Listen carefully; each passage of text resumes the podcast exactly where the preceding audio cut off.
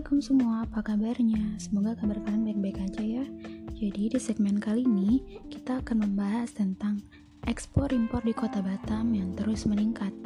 Sebelumnya, teman-teman pasti udah tahu kan apa ekspor dan impor itu? Nah, jadi kenapa sih kota Batam ini mempunyai keunggulan yang lebih dari kota-kota lainnya dalam bidang ekspor dan impor?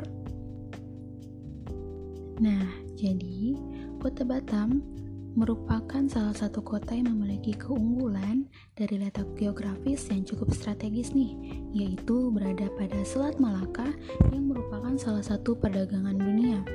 Jadi, sejak tahun 1916, Kota Batam mendapatkan perhatian khusus dari pemerintah pusat seperti penetapan Free Trade Zone Area yang tertuang dalam Undang-Undang Nomor 44 tahun 2007 tentang kawasan bebas dan pelabuhan bebas. Nah, penetapan kawasan tersebut pada dasarnya itu untuk menindaklanjuti Memorandum of Understanding antara Indonesia dan Singapura dalam kerjasama di bidang ekonomi. Nah, jadi itu kota Batam tuh letaknya strategis banget. Kayak yang kita tahu kan, kota Batam berbatasan dengan Malaysia, dengan Singapura, Singapura. Nah, karena letaknya yang strategis inilah, kota Batam menjadi incaran bagi pihak asing, terutama untuk investor-investor asing. Nah, jadi baru-baru ini BPS atau Badan Pusat Statistik Kota Batam merilis data ekspor dan impor pada periode bulan Januari Juli 2021 pada Kamis 2 September 2021 silam nih.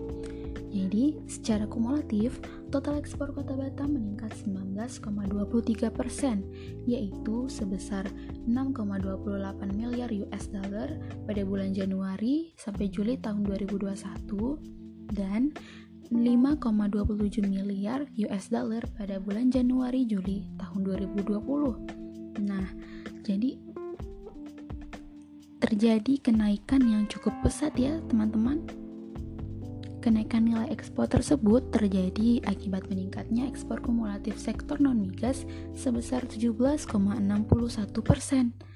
Wow, ekspor kumulatif non-migas pada Batam ini menyumbang 80,69 persen dari ekspor kumulatif non-migas Januari-Juli ke Kepulauan Riau.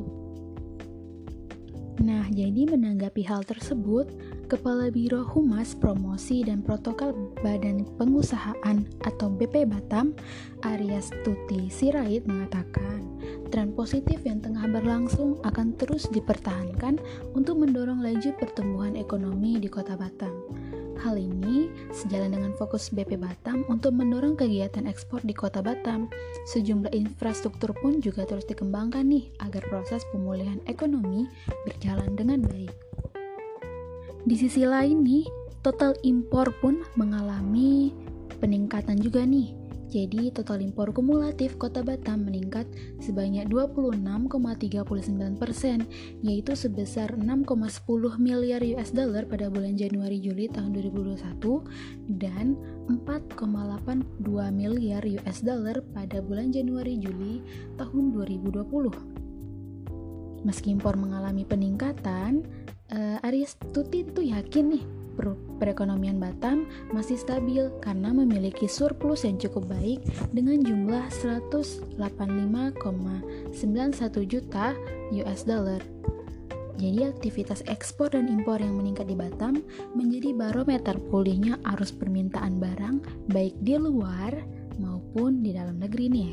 Harmoni ini harus terus dikembangkan sebagai langkah Batam untuk menjawab tantangan ekonomi nasional hingga akhir tahun 2021 ini.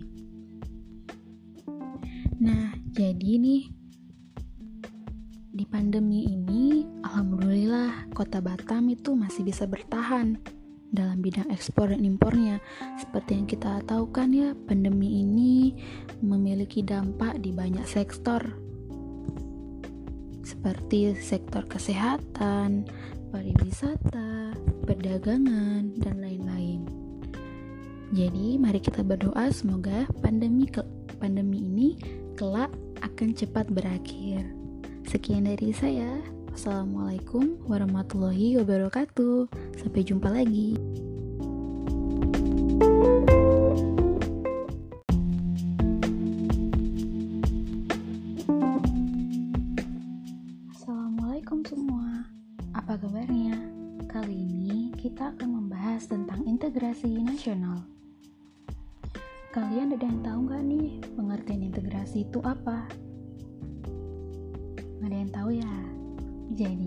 Integrasi adalah membuat unsur-unsurnya menjadi satu kesatuan dan utuh.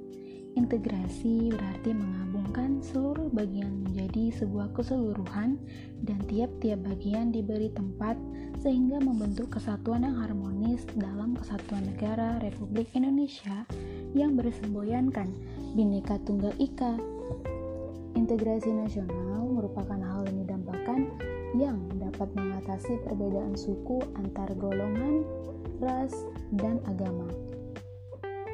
Seperti yang kalian tahu nih, Indonesia kan punya banyak banget nih ragam budaya, suku yang berasal atau tersebar dari Sabang sampai Merauke.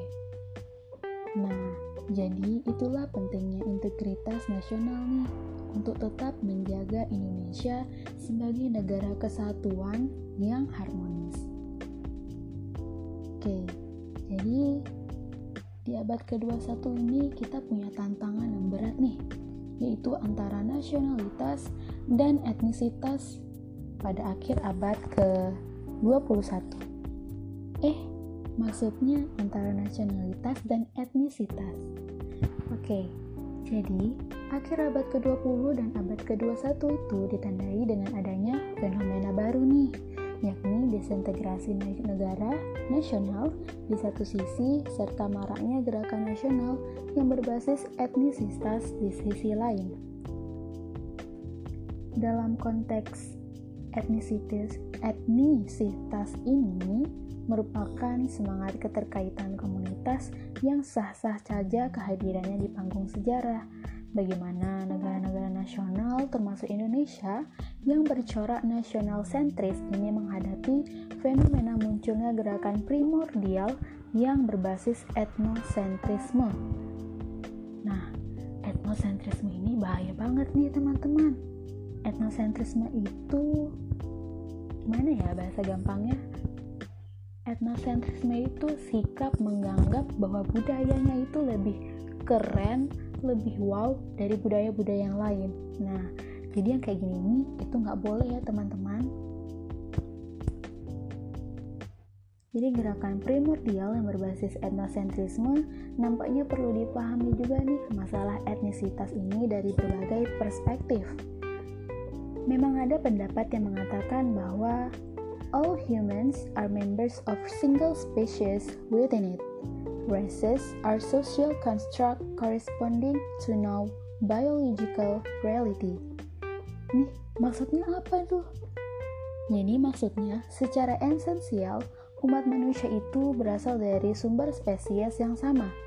Pengkategorian terhadap ras semata-mata berdasarkan karakteristik biologis semata yang bersifat jelas dan tetap. Jadi para ilmuwan demikian menjelaskan ras sebagai subspesies dari manusia yaitu sebagai bagian-bagian dari spesies genus Homo sapiens. Nah, jadi maksudnya ini kita itu sama-sama satu, sama-sama berasal dari hal yang sama. Kita nih sama-sama dari spesies Homo sapiens. Jadi kita nggak boleh tuh ya bersikap rasis terhadap orang yang memiliki perbedaan dengan kita. Terus untuk menjaga integrasi bangsa, apa apa sih yang bisa kita lakukan? Nah, yang bisa kita lakukan yang pertama mempertahankan dasar negara Pancasila dan UUD 1945. Selanjutnya, kita bisa tidak berperilaku rasis, memberikan kebebasan beragama kepada orang lain, bertindak sesuai peraturan yang berlaku baik di sekolah, masyarakat, berbangsa, dan bernegara. Selanjutnya, kita juga bisa nih bersikap penuh empati, tenggang rangsa, dan toleran terhadap antar sesama manusia. Seperti yang tadi udah aku bilang, kita harus bisa saling menghargai perbedaan yang ada di sekitar kita. Selanjutnya, kita juga bisa nih untuk tidak bertindak semena-mena atas dasar kuasa yang dimiliki. Jadi mentang-mentang kita punya posisi atau punya sesuatu yang lebih besar kita nggak boleh nih bertindak semena-mena sama orang yang ada di bawah kita karena kita ini sama jadi nggak boleh membeda-bedakan ya nah Kesimpulannya, menjaga integrasi atau keutuhan bangsa dapat dilakukan dengan cara mempertahankan dasar negara, menciptakan ketahanan nasional, dan memiliki wawasan Nusantara. Sekian dari saya. Wassalamualaikum warahmatullahi wabarakatuh.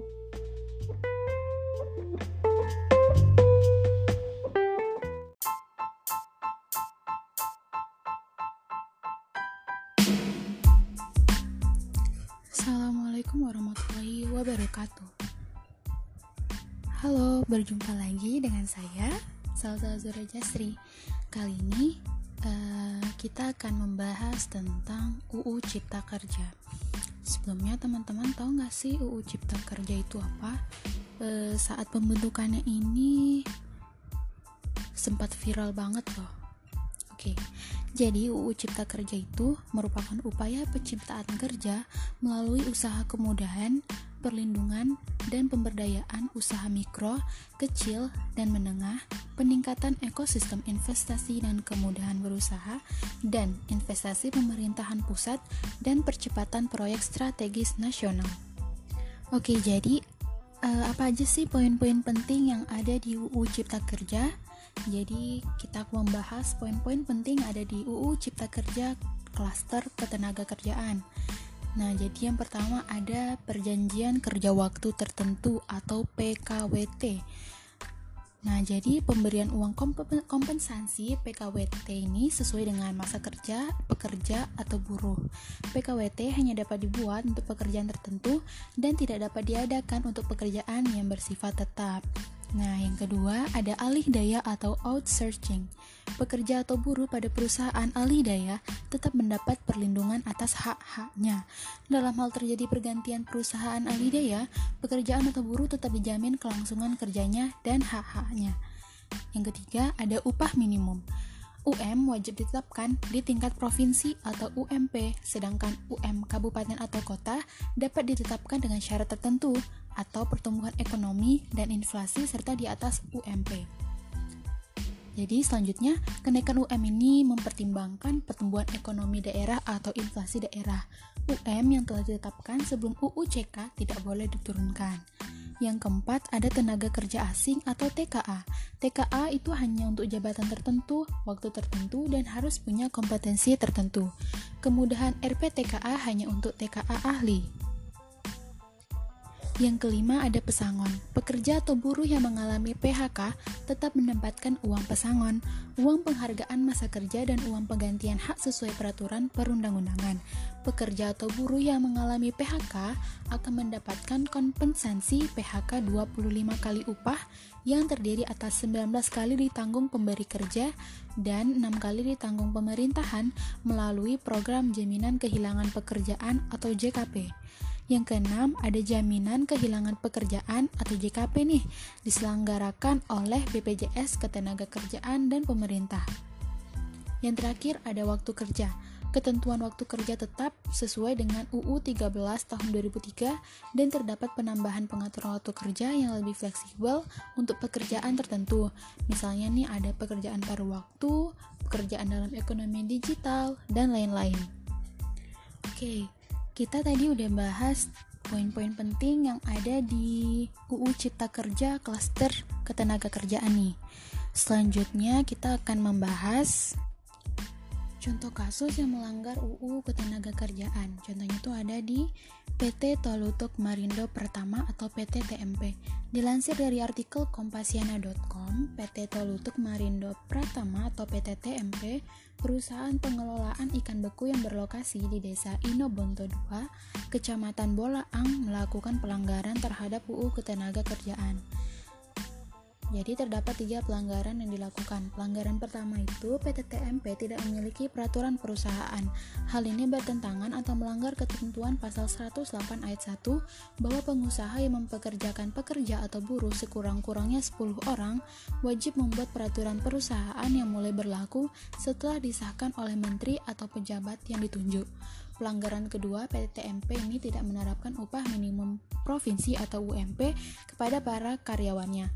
PT TMP hanya membayar upah karyawannya sebesar 1 juta rupiah per bulan. Jauh di bawah UMP, Provinsi Sulawesi Utara tahun 2013 sebesar 1 juta 550 ribu rupiah.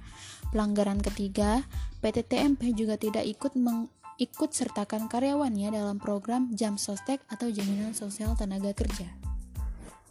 Nah, setelah tadi kita membahas tentang UU Cipta Kerja dan contoh-contoh kasus pelanggaran yang melanggar UU Cipta Kerja tadi, sekarang saya akan membahas tentang UU yang berundang UU atau undang-undang yang berhubungan dengan e, jurusan yang sedang saya jalani yaitu logistik perdagangan internasional. Jadi saya memilih untuk membahas UU 38 tahun 2009 tentang POS. Oke, jadi POS adalah layanan komunikasi tertulis atau surat elektronik, layanan paket, layanan logistik, layanan transaksi keuangan, dan layanan keagenan pos untuk kepentingan umum. POS diatur dengan UU 38 tahun 2009 tentang POS. UU Undang-Undang Nomor 38 tahun 2009 tentang POS mencabut Undang-Undang 6 tahun 1984 tentang POS atau Lembaran Negara Republik Indonesia tahun 1984 nomor 28. Jadi, tambahan lembaran negara Republik Indonesia nomor 3276 karena dianggap sudah tidak sesuai dengan perkembangan zaman. Undang-Undang nomor 38 tahun 2009 tentang POS ini diundangkan dan ditempatkan pada lembaran negara Republik Indonesia tahun 2009 nomor 146. Penjelasan atas Undang-Undang 38 tahun 2009 ini tentang POS e, ditempatkan pada tambahan lembaran negara Republik Indonesia 5065 agar semua orang mengetahuinya. Undang-undang ini disahkan oleh Presiden Dr. Haji Susilo Bambang Yudhoyono di Jakarta pada tanggal 14 Oktober 2019. Eh, selanjutnya, undang-undang tentang pos ini terdiri dari 58 53 pasal, ada banyak pasalnya. Dengan dasar hukum dasar hukum Undang-Undang 38 tahun 2009 tentang pos ini adalah pasal 20, pasal 20A ayat 1, pasal 28F, pasal 33 ayat 2 dan ayat 4, dan pasal 34 ayat 3 Undang-Undang Dasar Negara Republik Indonesia tahun 1945. Jadi saya akan jelasin sedikit penjelasan umum undang-undang pos ini. Jadi sejak diundang-undangkan uh, Undang-Undang Nomor 6 Tahun 1984 tentang POS, penyelenggara POS itu telah menunjuk peran yang penting dan strategis dengan menunjang kegiatan perekonomian, memantapkan pertahanan keamanan, mencerdaskan kehidupan bangsa, memperlancar kegiatan pemerintahan, dan memperkukuh persatuan dan kesatuan bangsa dalam kerangka wawancara Nusantara dan memantapkan serta meningkatkan hubungan antar bangsa. Nah, jadi untuk kelancaran penyelenggaraan pos inilah yang dilakukan oleh penyelenggara pos perlu didukung sarana angkutan yang meliputi angkutan laut, darat, dan udara untuk umum. Untuk mempererat hubungan kerjasama antar bangsa dan antar negara dalam penyelenggaraan pos, perlu pula dipertimbangkan kesepakatan yang dilakukan oleh Perhimpunan Pos Sedunia atau Universal Postal Union atau UPU. Nah, jadi dengan tetap berpijak pada arah dan kebijakan pembangunan nasional, serta dengan perkembangan yang berlangsung baik secara nasional maupun internasional, upanya, utamanya di bidang pos, norma hukum bagi pembinaan dan penyelenggaraan yang diatur dalam Undang-Undang Nomor 6 Tahun 1984 tentang pos ini perlu diganti. Nah, jadi adanya Undang-Undang tentang pos ini itu berhubungan dengan pembangunan negara ya, teman-teman. Oke. Selanjutnya ada nih contoh contoh kasus yang berhubungan dengan UU tentang pos ini. Jadi pada berita yang saya kutip dari Tekni Asia dengan judul Kurir Logistik Gojek bentuk serikat pekerja menolak perubahan insentif. Wah, apa yang terjadi nih? Nah, jadi ada namanya driver go send same day delivery atau SDD ini terlibat dalam pemogokan massal melangsungkan musyawarah guna membahas strategi selanjutnya yang akan dilakukan. Nah, salah satu kesepakatan dalam musyawarah tersebut adalah pembentukan serikat kerja kurir daring atau yang disingkat menjadi sejaring. Jadi, sejaring ini bakal menjadi wadah para driver logistik Gojek untuk menyuarakan aspirasi mereka setelah pembentukan perwakilan sejaring akan melakukan pertemuan dengan pihak Kemenhub. Driver Gosen SDD yang terlibat dalam pemogokan pada 8, 9, dan 10 Juni ini diperkirakan mencapai 1.500 orang. Wah, jadi banyak banget nih. Pihak Gojek dikabarkan menghentikan sementara penilaian performa terhadap driver Gosen SDD pada tanggal 9 hingga 11 Juni sehingga driver yang mogok tidak terkena penalti. Tapi sebelum melakukan aksi mogok, para driver dikabarkan telah melakukan konsultasi dengan pakar hukum ketenaga kerjaan mengenai potensi pelanggaran peraturan Menteri Perhubungan nomor 12 tahun 2009. Namun, Pihak Gojek menyatakan layanan Gosen berada di bawah naungan PT Paket Anak Bangsa itu tidak mengacu pada regulasi tersebut nih, melainkan merujuk pada Undang-Undang Nomor 38 Tahun 2009 tentang Pos dan Peraturan Menteri Komunikasi dan Informatika Nomor 1 Tahun 2012 tentang formulasi tarif layanan pos komersial. Nah, jadi yang dilakukan pihak Gosen maksud saya uh, pihak driver Gosen Semde ini berhubungan dengan Undang-Undang Nomor 38 Tahun 2009 tentang pos tadi yang sudah kita bahas sebelumnya. Sekian dari saya. Apabila ada kurang dan lebihnya saya mohon maaf. Wassalamualaikum warahmatullahi wabarakatuh. Tugas ini dibuat untuk memenuhi mata kuliah kewarganegaraan.